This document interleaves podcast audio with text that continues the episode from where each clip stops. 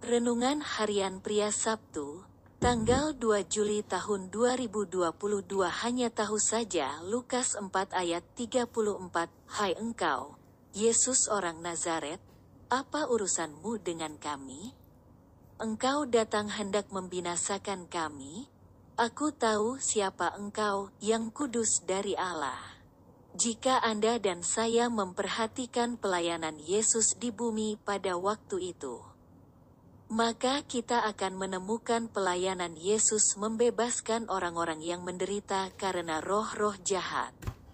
Dan jikalau kita teliti, maka kita akan mengetahui bahwa orang-orang yang terikat oleh roh-roh jahat itu ketika akan dibebaskan oleh Yesus, maka mereka akan berteriak dengan suara keras dan mengatakan, Aku tahu siapa engkau yang kudus dari Allah atau engkau anak Allah.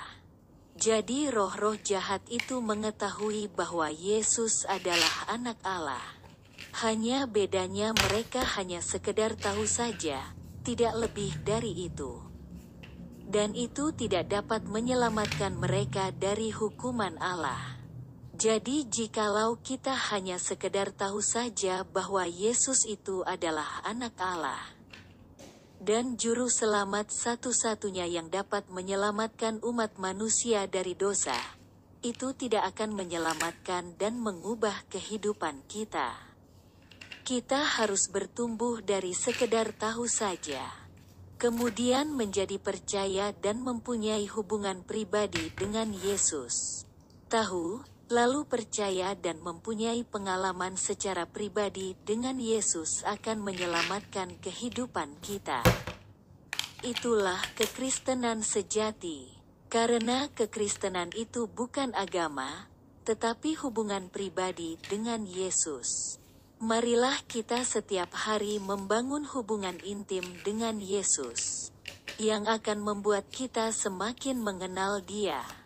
Karena pengenalan akan Yesus adalah dasar dan kunci untuk kita mengalami kehidupan yang direncanakan oleh Tuhan bagi kita. Refleksi diri, apa yang firman Tuhan katakan kepada Anda? Bagaimana kehidupan Anda dengan firman Tuhan itu? Catat komitmen Anda terhadap firman Tuhan itu. Doakan komitmen Anda itu, pengakuan iman.